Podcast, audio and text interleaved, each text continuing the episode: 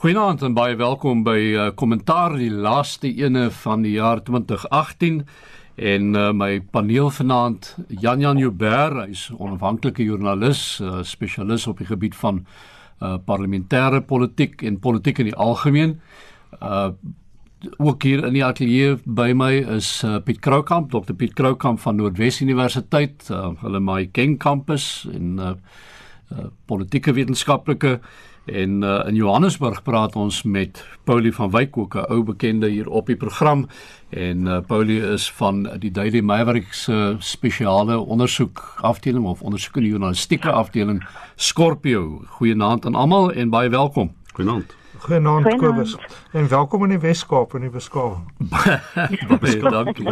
Ja, daar daaroor kan ons debatteer, maar uh, Ek wil uh, afskop want ons gaan vanaand uh, spesiaal kyk na wat ons kan verwag in die nuwe jaar. Ons gaan ons gaan nou so 'n bietjie afdwaal van ons gewone resep en uh, die week se nuus en dan kyk ons wat kan ons nou hierdie jaar verwag op allerlei terreine in die nuwe jaar. En ek dink die een saak wat groot opdoem hier voor ons is die verkiesing, die veewoord. En uh, Jan Jan uh hoe meer 'n mens duidelikheid kry of dink jy kry op een plek, hoe meer in die duister is jy op die ander. Wel die groot ding hierso is dat ehm um, daar is al drie die groot partye op die oomblik sit met die sit met geweldige groot probleme. Die ANC sit met ontsettende verdeeldheid in vier van sy provinsies, in Mpumalanga, Noordwes, die Vrystaat en KwaZulu-Natal. Die ehm um, DA sit met 'n aaklige interne verhouding tussen sy leiersposisies en die EFF sit met 'n klein FBS probleempie en klein probleempies met die media en geweldige probleme met omset van personeel ensovoort. So nou is jou vraag, watter effek het dit op kiesers? Gaan hulle nog steeds vir die groot partye stem of gaan hulle vir kleiner partye stem? Gaan hulle aan die een kant sê hierdie partye is groot, maar ek hou nie van hulle nie, so kom ek probeer iets anders en ons sien hier allerlei partye soos paddastoele opskiet as dit nie goed is dit nie, is die African Content of Content Movement, ek weet nie of dit klaar is so tevredenheid of sy inhoud is nie. Um en so voort en so voort. Um maar die vraag is dan nou, gaan jy vir een van hierdie mooi gesiggies stem of soek jy 'n groot hond wat kan byt? En ek dink dis die vraag wat uh, wat gevra gaan word vir die verkiesing. Kobus en dan natuurlik uh, na afloop van die verkiesing gaan die groot vraag wees hoe herdefinieer dit partye? Ons wil weet na elke verkiesing omtrent uh, lyk politieke partye anders ter die ANC kan 'n kan 'n mandaat kry van 59 60 63 ek dink dit gaan daarbey uitkom naaste my maar jy kan dit kry dit uh, versterk sal hom op Posa se hand dit herdefinieer die verskillende faksies binne die ANC die EFF kan 7 en 8% kry wat heeltemal moontlik is en of hulle kan 10, 12 en 13 en 14 kry en dan word dit 'n totaal ander party. En die DA kan groot skade ly as gevolg van die onsekerheid wat onder andere in die Weskaap bestaan onder sy historiese kiesers wat natuurlik ook die DA heeltemal gaan herdefinieer. So ek dink hier teen volgende Junie maand uh kan jy vir al die drie groter partye kry wat hulle self moet herposisioneer na aanleiding van die steen wat hulle gekry het en die partye kan totaal anders ter word in hulle verhouding teenoor mekaar intern, maar ook vis-à-vis die media byvoorbeeld. Paulie? Ja, inderdaad. En dan as ons kyk na wat in die land in die afgelope 2 jaar gebeur het, dit was 'n uh, plofbare ervaring geweest vir die meeste mense.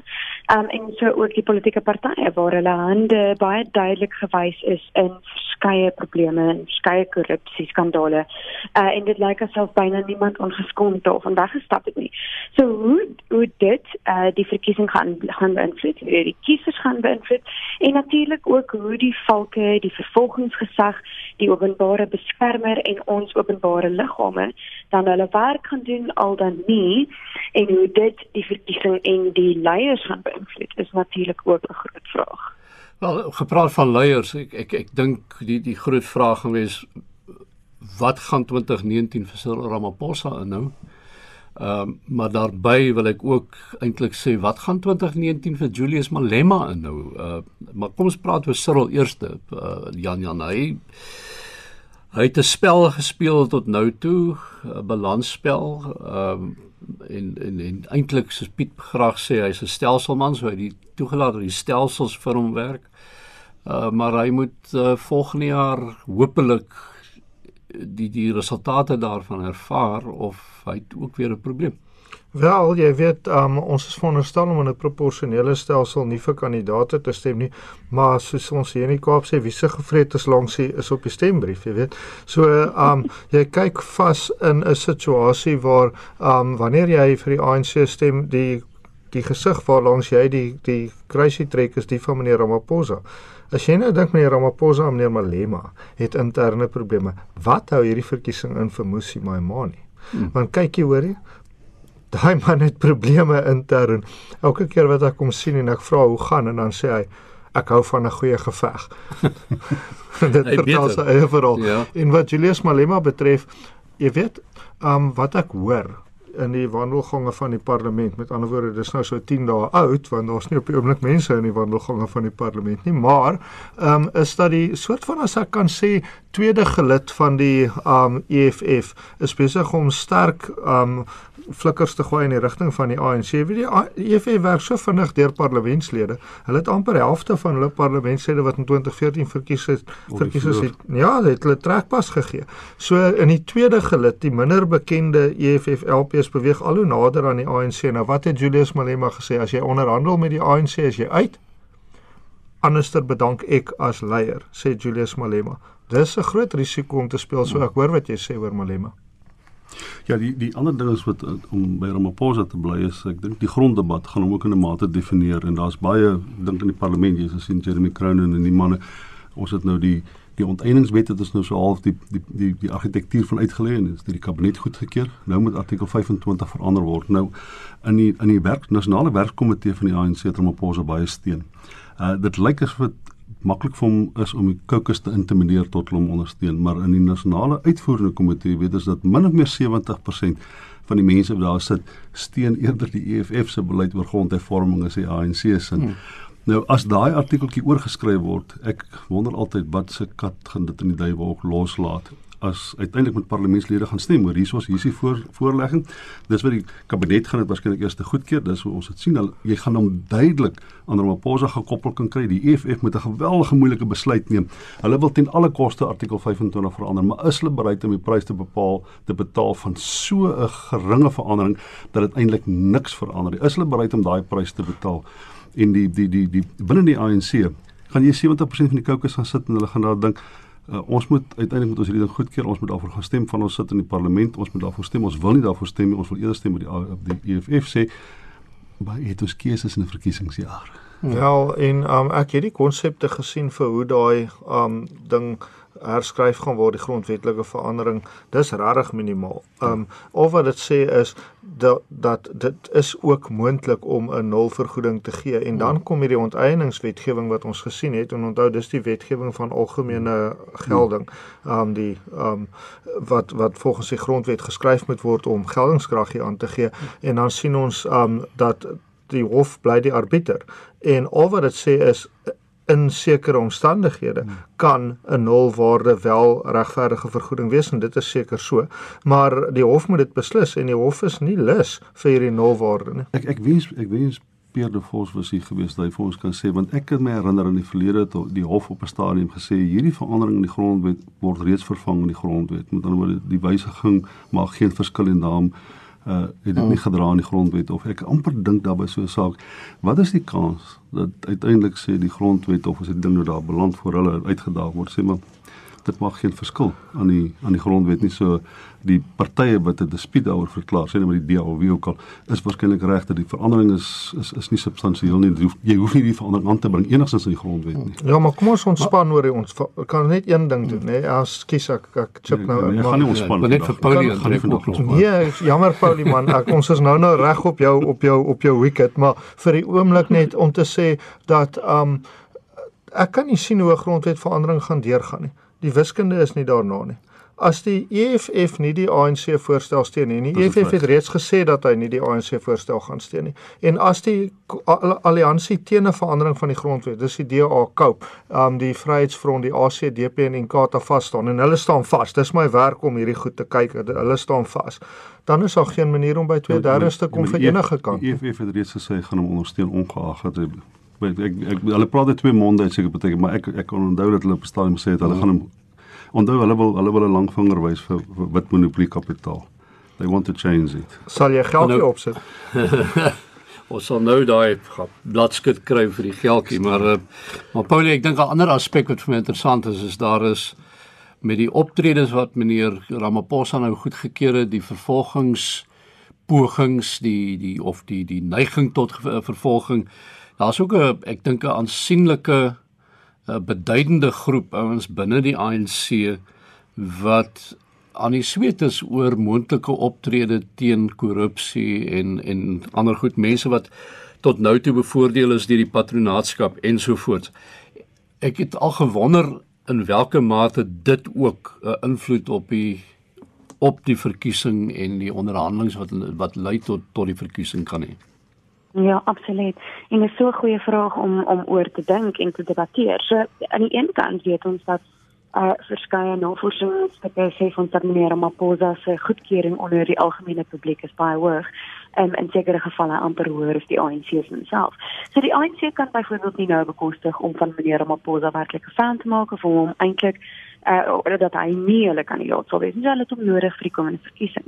Maar wat daarna gebeur en um, en da, daar sal Jan Jan en, en Piet dalk vir ons beter die proses kan verduidelik, maar wat na die verkiesing gaan gebeur gaan ook belangrik wees vir die ANC want dan daar is 'n baie sterk moontlikheid dat die ANC se skadukant dan amper kan besluit maar ons wil nie nou meer hierdie leier hê wat uh, soos 'n steenkooltrein is. Hy vat 'n bietjie hy vat lank om aan die gang te kom maar as hy aan die gang kom dan stop jy hom moeilik nie. Want dit is wat meneer Ramaphosa nou vir ons gewys het. En ons hy is uh, dese kritisie taamlik oor die kollegaal omdat hy stadig is omdat hy nie beslissend reageer nie omdat hy ehm um, omdat omdat hy uh, baie spesifieke stelsels um, in plek sit of op stelsels saak staat maak om om sekere gevolge te kry om om by 'n sekere punt uit te kom. Maar ons het ook gesien dat dit baie effektief is. Ehm um, kom ons kyk na sedert hy uh, aangestel is in of ingehuldig is as president in Februarie vanjaar waar ehm um, hy die Newton kommissie na SARS ingestel het, die sondekommissie na staatskaping ingestel ingestel het.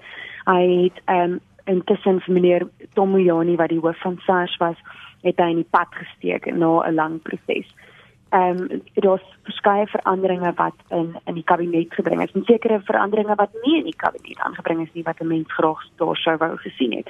So uh en hy het ook natuurlik vir meneer Ramps meneer uh Pravin Gordhan in 'n sentrale posisie waar hy steeds invloed het op die tesourier maar waar hy natuurlik ook 'n beslissende invloed het op op staatsbeheerde agentskappe. Uh so meneer Ramaphosa is besig om te wys dat uh dat dat sekere ehm um, die handel en wandel van die afgelope dekade gaan nie weer gebeur nie en dit gaan dit is nie veronderstel om uh, voortgesette drama te wees nie maar of die ANC en by name dan byvoorbeeld meneer Ismakashule en en sy trawante hiermee gaan saamstem is natuurlik 'n probleem. En dan sit ons natuurlik ook met meneer Malusi Kikaba wat baie graag president sou geword het, um, wat hard gewerk het om om daar te kom en vir homself 'n baie blink toekoms gesien het. En wat nou uit is as minister meneer Ramaphosa en wat natuurlik homself by 'n uh, teenalliansie kan inskakel. Ehm um, en natuurlik wat uh, mevrou Batabile Dlamini en en so aan. So, ek dink meneer Ramaphosa het aan die een kant baie vyande en so het hy ook heelwat steun by die publiek. Uit daar dit wat Paulie ook nou gesê het, uh, kom ons gaan na die volgende punt wat ons graag na wil kyk vir uh, vanaand en dit is die die hele ontknoping van die staatskapingsproses en ons het nou hierdie jaar beleef um, ons het nou gehoor sy Paulie verwys nou na Zondo. Nugent eintlik was is dit een van uh, vorm met een groot geheel dink ek. En uh, daadwerklike optrede sover om om dit te ondersoek. Wat gebeur in die nuwe jaar? Ja, ons het nou reeds gesien dat 'n hele paar politici onwillekeurig op hulle swaarde moes val. Um ons sien hom Vulo Mokonyane wat um al kleiner word in statuur.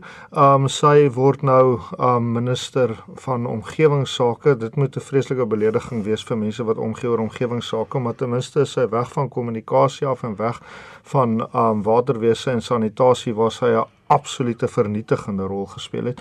So um 'n ou soos Malusi Gigaba wat soos Paulie sê in 'n stadium minstens homself gesien het as 'n aanspraakmaker op die presidentskap, hy kan nie meer nie want hy is nou glad teens meer in die parlement nie, want hy moes weghardloop met sy stert tussen sy bene. Dit hou Figile Mbalula teen wie daar nou bevindinge gemaak is deur die openbare beskermer bevindinge wat alreeds verwelkom word sien ek anders as ander bevindinge. Maar in elk geval die um punt is dat dat um eintlik is meneer Ramaphosa en hier moet ek vir Pieter ere nagee hy het dit van die begin af voorspel dat meneer Ramaphosa weer stadig maar seker en hy is besig om stadig aan ons het um gesien uh, byvoorbeeld nuwe hoof vir Denel nuwe hoof vir allerlei semi-staatsinstellings hy is besig om sy beloftes stadig aan na te kom uh of hy dit presies gaan nakom weet ek nie en dit is wat uh, Paulie uitwys is hy het nie die steun van sy party noodwendig nie. Um so ons sal moet sien hoe dit uitspeel, maar dat dit vir hom beter lyk as 6 maande gelede wat die uh, regeerkuns aanbetref, dit kan min mense seker bestry. Ek wil Jak Jan Jan my ster blink gevra het. Ek het daai Jakob ster se hom blink vir dit. Dit wat in die, in die, in die streke gebeur, veral nou en nou sien dit spesifiek met die met die met die met die lysstelsel, die konferensie wat hulle beplan die omstandigheid in daai streke, die manier hoe Thabo Mbeki daarmee gedeal het destyds is om eenvoudig self die burgemeesters aan te wys en die premiers aan te wys en belangrike leiers in die streke in die uitvoerende komitees van die provinsies aan te wys. Hy het beheer gevat daar en op daai manier het hy daai kwetterende stem het ek kon hy stil maak en beheer kry 'n groter beheer oor die ANC. Uiteindelik by die Polokwane konferensie het hom ingehaal, daai mense kom teen hom gestem want hulle mm. was ontmagtig geweest in die proses. So dit het geweldige prys. Ek kan nie dink dat Ramaphosa in die jaar wat kom daai pad sal bestap nie. So hy moet op 'n manier met hy hierdie kwetter onder aan die onderkant van die van die politieke spektrum moet hy verduur of hy moet dit op 'n manier bestuur sodat daardie proses om afspeel ten spyte van wat hy beplan aan die bokant. En daai goed dis twee teenstrydige prosesse. Jy kan nie ekonomiese groei eintlik bewerkstellig as jy 28 of 30% werkloosheid het en jy het so 'n onrustige politieke party onder jou. Dit moet 'n ongelooflike moeilike balanseertoertjie wees wat hy moet uittrek. Maar ek dink tog hy is aansienlik sterker as wat hy was. Die ANC lyk veral aan die bokant as 'n totaal ander party as wat hulle was 'n jaar gelede.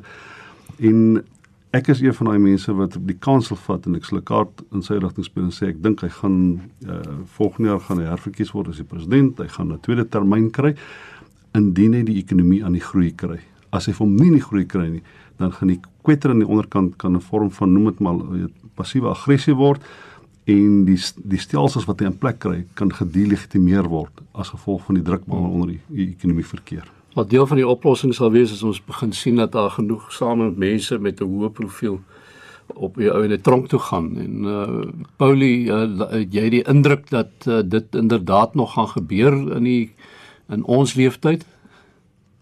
Sjoe, ek dink ek kon vir sê ja, en um, ek dink enigiemand wat daar 'n baie beslissende uitspraak maak, weet nie regtig waarvan hulle praat nie, want die want die valke in hierdie stadium is is so gebreek dat daar is seksies uh goeie mense en en sterk mense maar die probleem en die drama lê in die boonste deel van die valke. Dat die mense wat moet afteken op ehm um, op op uh orders jy weet en wat mense wat moet afteken op dokumente en op um, met die vervolgingsgesag moet skakel daardie mense is dikwels die die groot probleem hier. En natuurlik sit ons met 'n uh, staatsveiligheidsagentskap en ook 'n uh, uh, misdaadintelligensie afdeling wat ehm um, histories eintlik baie meer vir die president of vir die donker kant van die staat amper begin werk het as wat hulle werklik ehm um, in in samehorigheid met die valke vir die goeie doel en vir die go goedheid van die land gewerk het. So so die probleem wat ons hiermee gaan sit is ons kort 'n baie sterk valkenleier. Ons het nou net 'n uh, 'n uh, vervolgingsgesagleier gekry wat uh, ek raai verskriklik jammer sy gaan ontsettend baie ehm um, werk moet doen binne die vervolgingsgesag self, maar natuurlik ook in haar verhoudings met instellings soos die valke of soos die polisie self of natuurlik ook die SAU of die finansiële intelligensie sentrum. So so uh, mevrou Patoy het het uh het het groot drama wat vir haar wag vir 'n jaar. Maar as hulle kan wys dat hulle effektief is en dat daar minstens 2 tot 3 goeie vervolgings net aan die gang gesit word waar dit lyk asof die saak sterk is, goed deurdink is, goed ondersoek is en goed by die vervolgingsgesag opgedaag is, dan dink ek kan ons dalk die persepsie begin skep dat die valke en die vervolgingsgesag is besig om hulle self reg te ruk. En soos ons weet, is persepsie dikwels baie belangriker as feit. Wat is die kanse dink julle dat ehm um, in hierdie poging om die vervolgingsgesag en die valke so aan aan die gang te kry? Wat is die kanse dat 'n mens privaat sektor bronne kan bytrek ehm um, uit die regspraktyke uit en en en die plekke om vir eers 'n bietjie ruggraat aan daai poging te gee totdat jy ander mense opgelei en in die in die verlede die die die volke het ruim gebruik gemaak van privaat ondersoekers. So dis nie dit sal nie 'n raar verskynsel wees hulle sal dit nou mm -hmm. waarskynlik meer moet doen. Maar ek dink daar's ek dink Paulie verwys indirek daarna dit gaan oor die legitimiteit van hierdie instellings. Jy kan nie alles mm. uitkontrakteer in 'n in, illegitieme mm. instelling nie. Jy sal moet die die die vertroue van die samelewing moet kry, jy sal die vertroue van die groter stelsel moet kry, van die president moet kry en van uh, so dit dit gaan daaroor ook. So hulle sê met vertroue wek en ek dink sy kan daai dis 'n balanseer toertjie uh, wat Shamila Batoy dink ek baie goed sal kan doen. Ek dink dis een van die eystervroue van die toekoms in Suid-Afrika. Sy sal daai balanseer toertjie met sy kan regkry van dit wat jy aanvanklik uitkontrakteer wat jy self doen die legitimiteit van die stelsel herstel en dan mettertyd uh jou legitimiteit bou deurdat jy self daai funksie kan vervul. En ek dink wat buite voeg, ag ekskuus Janjan, maar net om net om 'n uh, voet met buite voeg by Piet is die probleem hier en en daar moet ons baie spesifiek wees om die probleem te verstaan. As jy byvoorbeeld ehm um, staatskaping gaan ondersoek en ons kyk, kom ons wees baie spesifiek, kom ons kyk na net die Istina uh ondersoek waarby hmm. meneer Ysmakashule en en sekere akolite en Gupta's en so betrokke is. Daardie ondersoek is veronderstel om te lê by die ehm um, by georganiseerde misdaadeenheid, maar ook by die by uh, by die finansiële ondersoekeenheid wat na groot ehm um, groot bedrae kyk, groot misdade kyk. Nou hierdie eenhede het spesifieke leiers en daardie spesifieke leiers het natuurlik val uh, van hulle val, val onder nasionale ehm um, uh vir die nasionale valke, nasionale eenhede en van hulle val natuurlik onder provinsiale eenhede.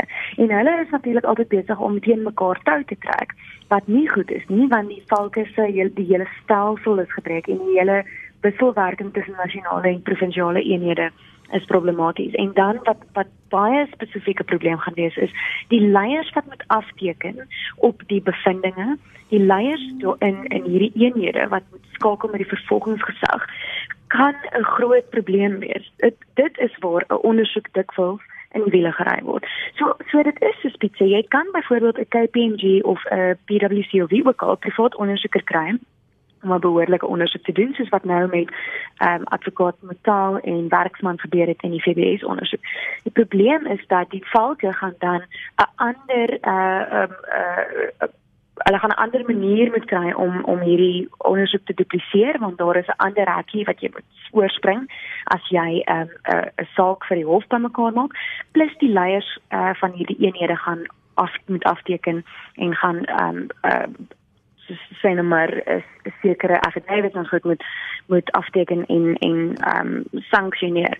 So die probleem gaan wees dat hierdie leiers gaan gaan bo verdenking moet wees en en ons het almal in die afgelope dekade gesien hoe maklik daar 'n ondersoek kan wees wat jy dan nou net so vir die vergeetlikheid kan laat wegraak as iemand net weier vir maande lank om daarop af te teken en dit is waar ons groot probleem gaan hê. Ek kan dit eers weer my optimisme terugtrek. Ek maar ek wil ek wil nou verskil. Um, ek ken die ja, die vervolgingsgesag van binne buite.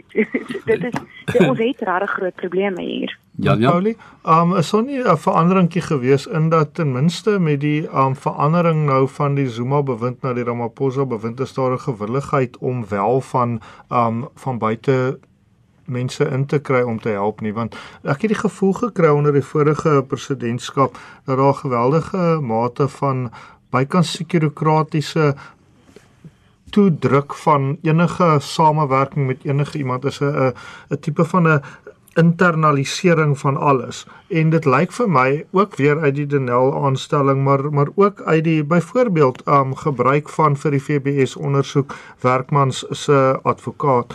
Um dat dat daar wel 'n wil is om um na buite ook kundigheid te gebruik en dis tog seker positief Ja, dit is verseker positief. En daar is natuurlik in die wet ingeskryf ook dat as die vervolgingsgesag nie genoeg uh ondersoekers het en en ehm um, aanklaers het nie, dan kan jy aanklaers van buite af intrek. Jy kan advokate geregistreerde advokate uit die balie kan jy dan aanstel tydelike tydelike vervolg. So dit is alles moontlik, ja. Maar weet jy uh, uh, Jan Jan, uh, jy het nou verwys na die nuwe man aan die hoof van Denel en uh, ek moet sê toe ek daardie berig uh, ruk terug gelees het, toe uh, die eerste ding wat my binne geskiet het was die uh, gebed wat jy elders in die Bybel oor sal lees van waar uh, daar gesê is laat die beker vir my verbygaan en ek bitter beker. Uh, Ja, ek dink as ek nou kyk na die uitdagings wat vir die ouens voorlê, behalwe as hulle geweldige steun van die president en ander kry. Ehm um, dit is 'n dit is regtig 'n bittergifbeker wat daai ouens moet. Ja, dit was Jesus aan die kruis wat ja. dit gesê het. Maar maar die ding is dat um dat hierdie ouens sal nie sonder daai mandaat daardie poste aanvaar nie. En die wonderlike ding daarvan is een, jy kry mense wat wat baie vaardig is, maar twee, hulle is nie afhanklik daarvan nie. Hmm. Dis nie hulle beroep of hulle ewige loopbaan nie. So ek dink enige mens wil die land ter wille wees of meeste goeie mense wil. En ek dink as jy geleentheid om voordoen en jy het die vermoë en jy kry die steun en jy het nie op daardie stadium in jou loopbaan nodig om in die private sektor te wees nie. Ek meen hierdie meneer De Tooy kom van Saab in Duitsland af. Waar hulle hom gevind het is vir my 'n oop vraag. Maar in elk geval, um kyk na wat doen meneer Baans by die poskantoor. Ek bedoel dis 'n stadige proses. Hy's nou al 2 jaar aan die gang en dit gaan maar rof, maar dat dat daar verbetering is geen twyfel nie. Dieselfde geld vir die name wat genoem word by die inkomste diens. Dis duidelik dat daar 'n terugkeer is na vaardigheid en 'n wegbeweeg van rasgedrewe politieke aanstellings. Die, ou bedenel, as ek amper 100% seker, stel jou voor die onderhoud wat plaasgevind het, het gesê waar gaan ek die geld kry met plek te bestuur? Hy sê vir moenie worry nie. Ons stel jou aan, jy het die regte ondervinding om met die Saudis te onderhandel. Die Saudis en Daniel gaan een word. That's your job to that us. Dit gaan interessant wees. Ja. Arme Kasoggie. Nou. Kom ons kyk, jy het nou ook gesê verwys net nou na die na na ekonomiese herstel Piet en en en ek dink dit gaan sentraal staan as Cyril Ramaphosa hierdie ding, hierdie waardeur die druffel trek, is dit waaroor dit op die oude gaan gaan. Ekonomiese herstel sodat ons groei aan die gang kan kry weer, werk kan skep en al daai goed. En uh Christine Lagarde wat nou onlangs uh, die die baas van die IMF wat nou onlangs hier by ons was en uh het wat ook pertinent gesê het as die die land is 'n land vol talent maar hulle gaan ekonomies aan die groei moet raak en dit dit gaan die groot uitdaging wees. Maar is doenbaar. Um as as daar minder geld gesteel word, as die um as meer aanstellings gedoen word op meriete en ek is nie een van hierdie mense wat by meriete bedoel 'n spesifieke ras nie. Ek bedoel regtig vir ons ons land het soveel goeie mense en een van die redes hoekom ons onder apartheid so ontsettend in die ekonomiese moeilikheid beland het is dat ons ons goeie swart mense nie gebruik het nie. As jy kyk na die talent wat uitgekom het sedertdien, die briljantheid van ou soos Lesetja gaan ja of mm. Trevor Manuel of ag noem en noem en noem en noem. Um dan dan um dink ek as ons ons beste mense gebruik en as ons beste mense bereid is as mense bereid is om 'n bydrae tot die land te lewer, is daar soveel om te doen. Ons sit hier so in so 'n wonderlike situasie net hier so op die drempel van Afrika vir 'n ekonomiese afsetgebied byvoorbeeld. Maar as ons dinge reg doen, ons beste mense gebruik, is daar geen rede hoekom ons ekonomie nie kan groei nie. My my hierdie ding is 'n vlag wat die ANC se kite wat hulle opgestuur het, want Tito Mboweni is nie so teen die EMF se teenwoordigheid soos baie ander ons in die ANC al te kite opgestuur het. Hy het hiernatoe genooi, sy het gesprekke gevoer, sy het gesê 'n lening is nie op die tafel nie, maar ons weet oor 2 jaar gaan ons skuld oor die 60% van ons GDP wees. Ons gaan omtrent nie 'n keuse hê as om geld buite te soek nie. Ons weet ons gaan dit nie uit BRICS uit kan nie. BRICS is besig om met mekaar te druk. Met ander woorde, hulle stuur 'n kite op en hulle gaan dit 'n baie pragmatiese ooreenkoms met EFF maak en daar wat is Johnson se naam die die reaksionêre man daar van die ehm um, die dik boeke skryf. Hy het reeds 'n jaar jaar en 'n half gelede gesê mm. ons is reg op pad EMF toe. Ons kan dit nie vermy uiteindelik nie en ek dink O, RW Johnson. Ja, ja, RW ja. Johnson. Ek is ek is ek spyt om dit krediet te gee, but I think he was right. Ek maar ek dink net om om dit in pers perspektief te stel, want baie mense uh, daar uh, het ek nou agtergekom verstaan nie altyd die rol van die EMF nie. Ehm um, uh, baie van die goed wat aan die EMF toegeskryf word is eintlik die werk van die Wêreldbank uh, wat mm. deel van die groep is, maar die EMF het net een funksie en dit is om 'n land wat 'n uh, betalingsbalansprobleem soos Argentyne ja optel. Tel regstel. Okay, so, ons kry baie geld by die Wêreldbank al reeds soos dit is. Ons hmm. vat lenings gereeld by die Wêreldbank wat beteken is in daai pool, in daai regime, want die hmm. Wêreldbank en die IMF is maar een instelling in 'n hmm. sekere mate. In daai regime tap ons al reeds in 'n mate in. Hmm. Maar die die die, die ding is met die IMF, jy moet sê ek is in sulke groot moeilikheid ek kan myself nie help nie. Hmm. En dan neem hulle 'n bepaalde besluit oor wat is jou wat is jou begrotingstekort, uh, wat is jou skuldklas. Hulle neem sulke besluite en wat die mense noem in Engels austerity. En dan sê kyk jy spandeer te veel geld op die armes. Ons moet belê in die meer produktiewe sektore van die ekonomie en sulke dinge. En daai konsekwensies is waarvoor die mense regtig bang is. Ek sou ook wees bang af verwees as ek 7 en 28% werkloosheid het, want dis die mense wat die meeste geraak ja. word daardeur. Paulie, as ja. ek nou uh, kyk na uh, ons uh, geagte openbare beskermer en dit lyk vir my sy die afgelope tyd nogal skielik haar stem ontdek of herontdek maar met uh soms eienaardige of of of, of vreemde teikens. Wat wat wat maak jy daarvan? Hmm. Kyk vriend, Besisiwe Mkbani is uh, problematies al van wat sy aangestel is. Um haar eerste werklike groot uh ondersoek was die SciX Absa ondersoek geweest wat sy liderlik opgemors het en 'n verskriklike swak uh of of uitspraak teen haar gehad het. Ek het in ek het in 'n baie lang tyd na die stadium nie so streemende hof uitspraak teen 'n uh, veral 'n uh, staatswetnemer gehoor nie. Uh so is hy nou natuurlik meneer uh, Pravin Gordhan begin teken um kort nadat hy aangestel is weer as, as minister in die kabinet van meneer Ramaphosa. So dit is baie duidelik uh, uit haar aksies en dit wat sy kwytraak dat sy nie heeltemal um buite die politiek en buite die politieke invloed staan nie en en daaroor moet ons baie baie bekommerd wees en ons sal haar baie fyn moet dophou. Um en en 'n stadium was daar taamlike geluide om haar uit haar pos te verwyder. Dis natuurlik 'n baie groot en moeilike storie om haar uit uh, uit haar pos as openbare beskermer te skop want dit is 'n 7 jaar termyn wat nie hernie mag word nie en jy moet uh, as ek reg onthou 2/3 meerderheid in die parlement hê en sekere resolusies instaan. So uh, en daar natuurlik sedertdien 'n lot nuwe dinge gebeur wat ons aandag afgetrek het van van hoe swak sy werklik is.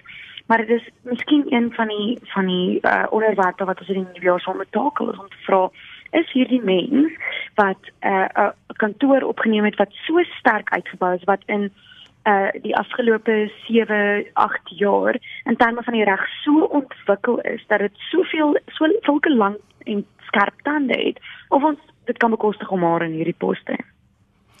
Gaan interessant wees. Ons het oorleef, dis my vraag. Hmm. Wel, ek dink 'n mens moet elke uitspraak van haar op Marite vat en probeer om jouself weg te beweeg van die persoon na die kwessie. So, um in die onlangse tyd hier voor die Kersfees breek, um het daar miskien in hierdie dae uit Nasaret iets goeds gekom. So, um daar was daar was drie bevindinge gewees. Die een was teen die direkteur-generaal van Finansies, meneer Mogojani, um dat hy 'n sekere oortreding en wat my irriteer daarvan is dat sy nie wil sê wat se oortreding nie, maar nie verklaar het nie.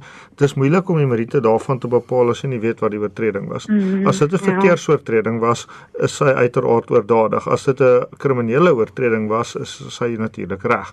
Wat meer Balula aanbetref, dink ek sy was vol in die kol in die sin mm -hmm. dat um dat hy het definitief verkeerd opgetree. Um ek is nie baie gelukkig met hierdie hele tipe van draai deur benadering van die oomblik wat iemand nie meer in 'n pos is kan jy hulle nie meer vervolg nie maar nou ja. En dan derdens was teen die premier van die Weskaap en dis nou wat die groot golwe laat um laat ontstaan het. En dis nie 'n geveg waarby enige iemand in die Weskaap betrokke wil raak wat enige van die betrokkenes ken nie. So ek dink daar's wel drie vrae wat jy moet vra en ek gaan hulle nie probeer beantwoord nie. Die eerste is Het enige iemand finansiëel voordeel getrek? Ek dink die antwoord is duidelik: nee. Die tweede vraag is: sou die seun van die premier die um kontrak gekry het of die of die um ekskuus, daar nie 'n kontrak nie, die die um rekenaarste hier of te, te te leen gekry het as sy ma nie premier was nie? Moeilike vraag. vraag ja. Derde vraag: Wat het gebeur met die stafhoof van die premier as gevolg hiervan? Watter rol het dit gespeel in die bedanking van die stafhoof van die premier so 2 jaar terug? Ek dink hierdie storie het lang bene. Watch hom. Gaan nog interessant raak. Nou, kom ons praat nou 'n bietjie media en journalistiek en joernaliste en want dit is 'n ander ding gewees wat ons die afgelope tyd ervaar het, is dit eh, hierdie hierdie toenemende aanslag van uh, vanuit die EFF geleedere uh Sanef wat nou betrokke geraak het en ons gaan nou in die nuwe jaar in wat is die implikasies? Um wel um ek dink ek dink ons sit in 'n moeilike situasie waar daar nou um waar Sanef nou by die gelykheidshof 'n uh, klag ingedien het teen die EFF. Um en ek dink daaroor is daar meningsverskil in die journalistieke bedryf oor of dit 'n wyse besluit was of nie en ek dink dit is 'n saak met twee kante. Paulie Ja, inderdaad. Die probleem hier is dat uh, meneer Julius Malema en meneer Floyd Shivambo is so intelligent en so slim met hoe hulle uh, hulle self hanteer voor 'n groot gehoor wat hulle natuurlik deur en deur ken en waarvan hulle self deel is, is dat hulle uh, 'n uh, gehoor soos enige politikus wat sy sout werd is, um, baie goed kan manipuleer. Nou Nou dit is natuurlik hulle goeie reg en as hulle die vermoë het moet hulle dit so doen. Maar as jy begin om uh amper fasistiese neigings te toon en die en en die feit van spraak uh in te perk en wanneer jy veral joernaliste begin intimideer om nie oor jou te skryf nie of om nie uh jou val was goed aan die aan die groot klok te hang nie, dan raak dit 'n ernstige probleem.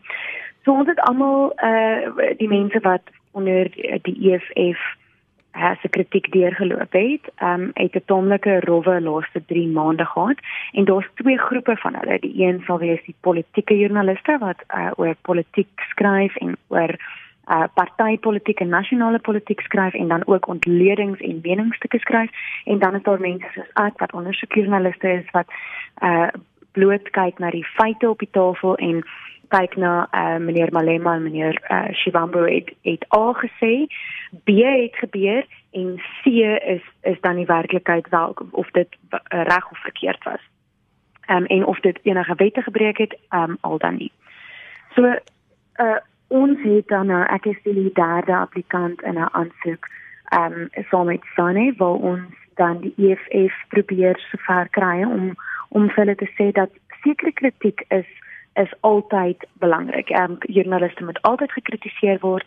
Jy moet altyd bevraagteken word. Jy moet altyd bereid wees en die vermoë hê om jou uh storie te kan verduidelik en te kan antwoorde gee. Maar as daar as jy uh, die oomblik wat jy intimideer word en wanneer jou ehm um, ondersteuners uh, in in 'n in opreiende taal aangehits word om op te tree teen joernaliste, dan is ons besig om 'n baie gevaarlike speletjie te speel.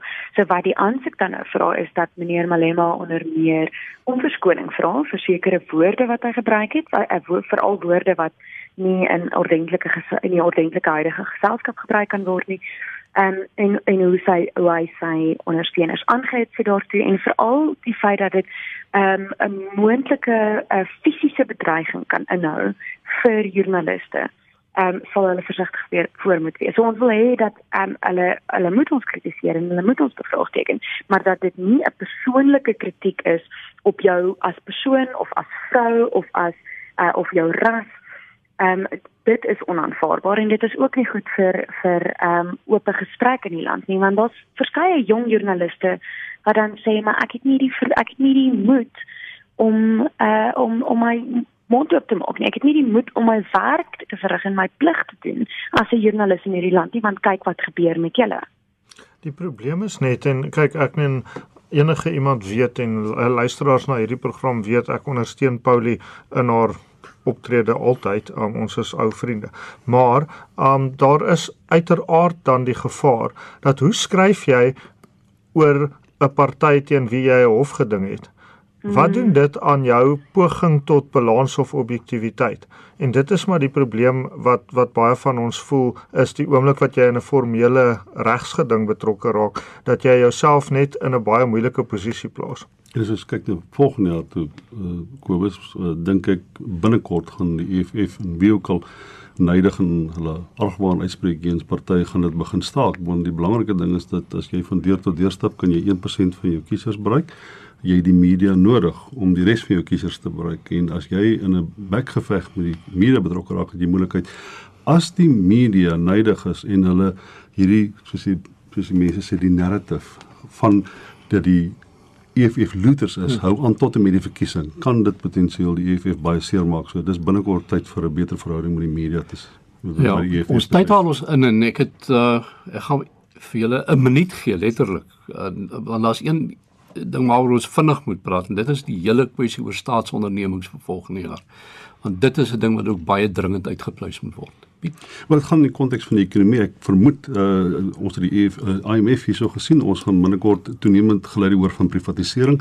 Sal hulle mopos dat iemand aangestel spesifiek na Eskom te kyk. Daar's my geen twyfel daai elemente van privatisering of verkoop van bepaalde dele en belange wees die herstrukturering van hoe Eskom moet funksioneer. Ek dink ons beweeg stelselmatig in 'n nuwe tipe van ekonomiese regime in begin by die SOE's.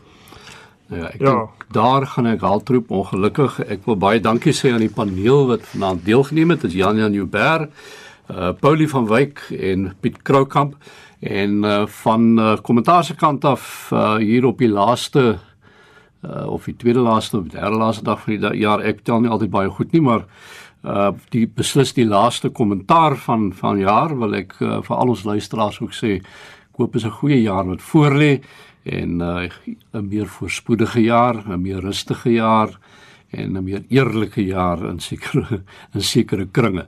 So 'n gesonde kers. En ehm uh, dit uh, ons is so 'n bietjie jy's 'n bietjie laat daarmee Piet, maar ons wil uh, van ons kant af sê ons praat weer in die nuwe jaar en uh, voorspoed vir almal. My naam is Kobus Bester en ek groet tot volgende Sondag.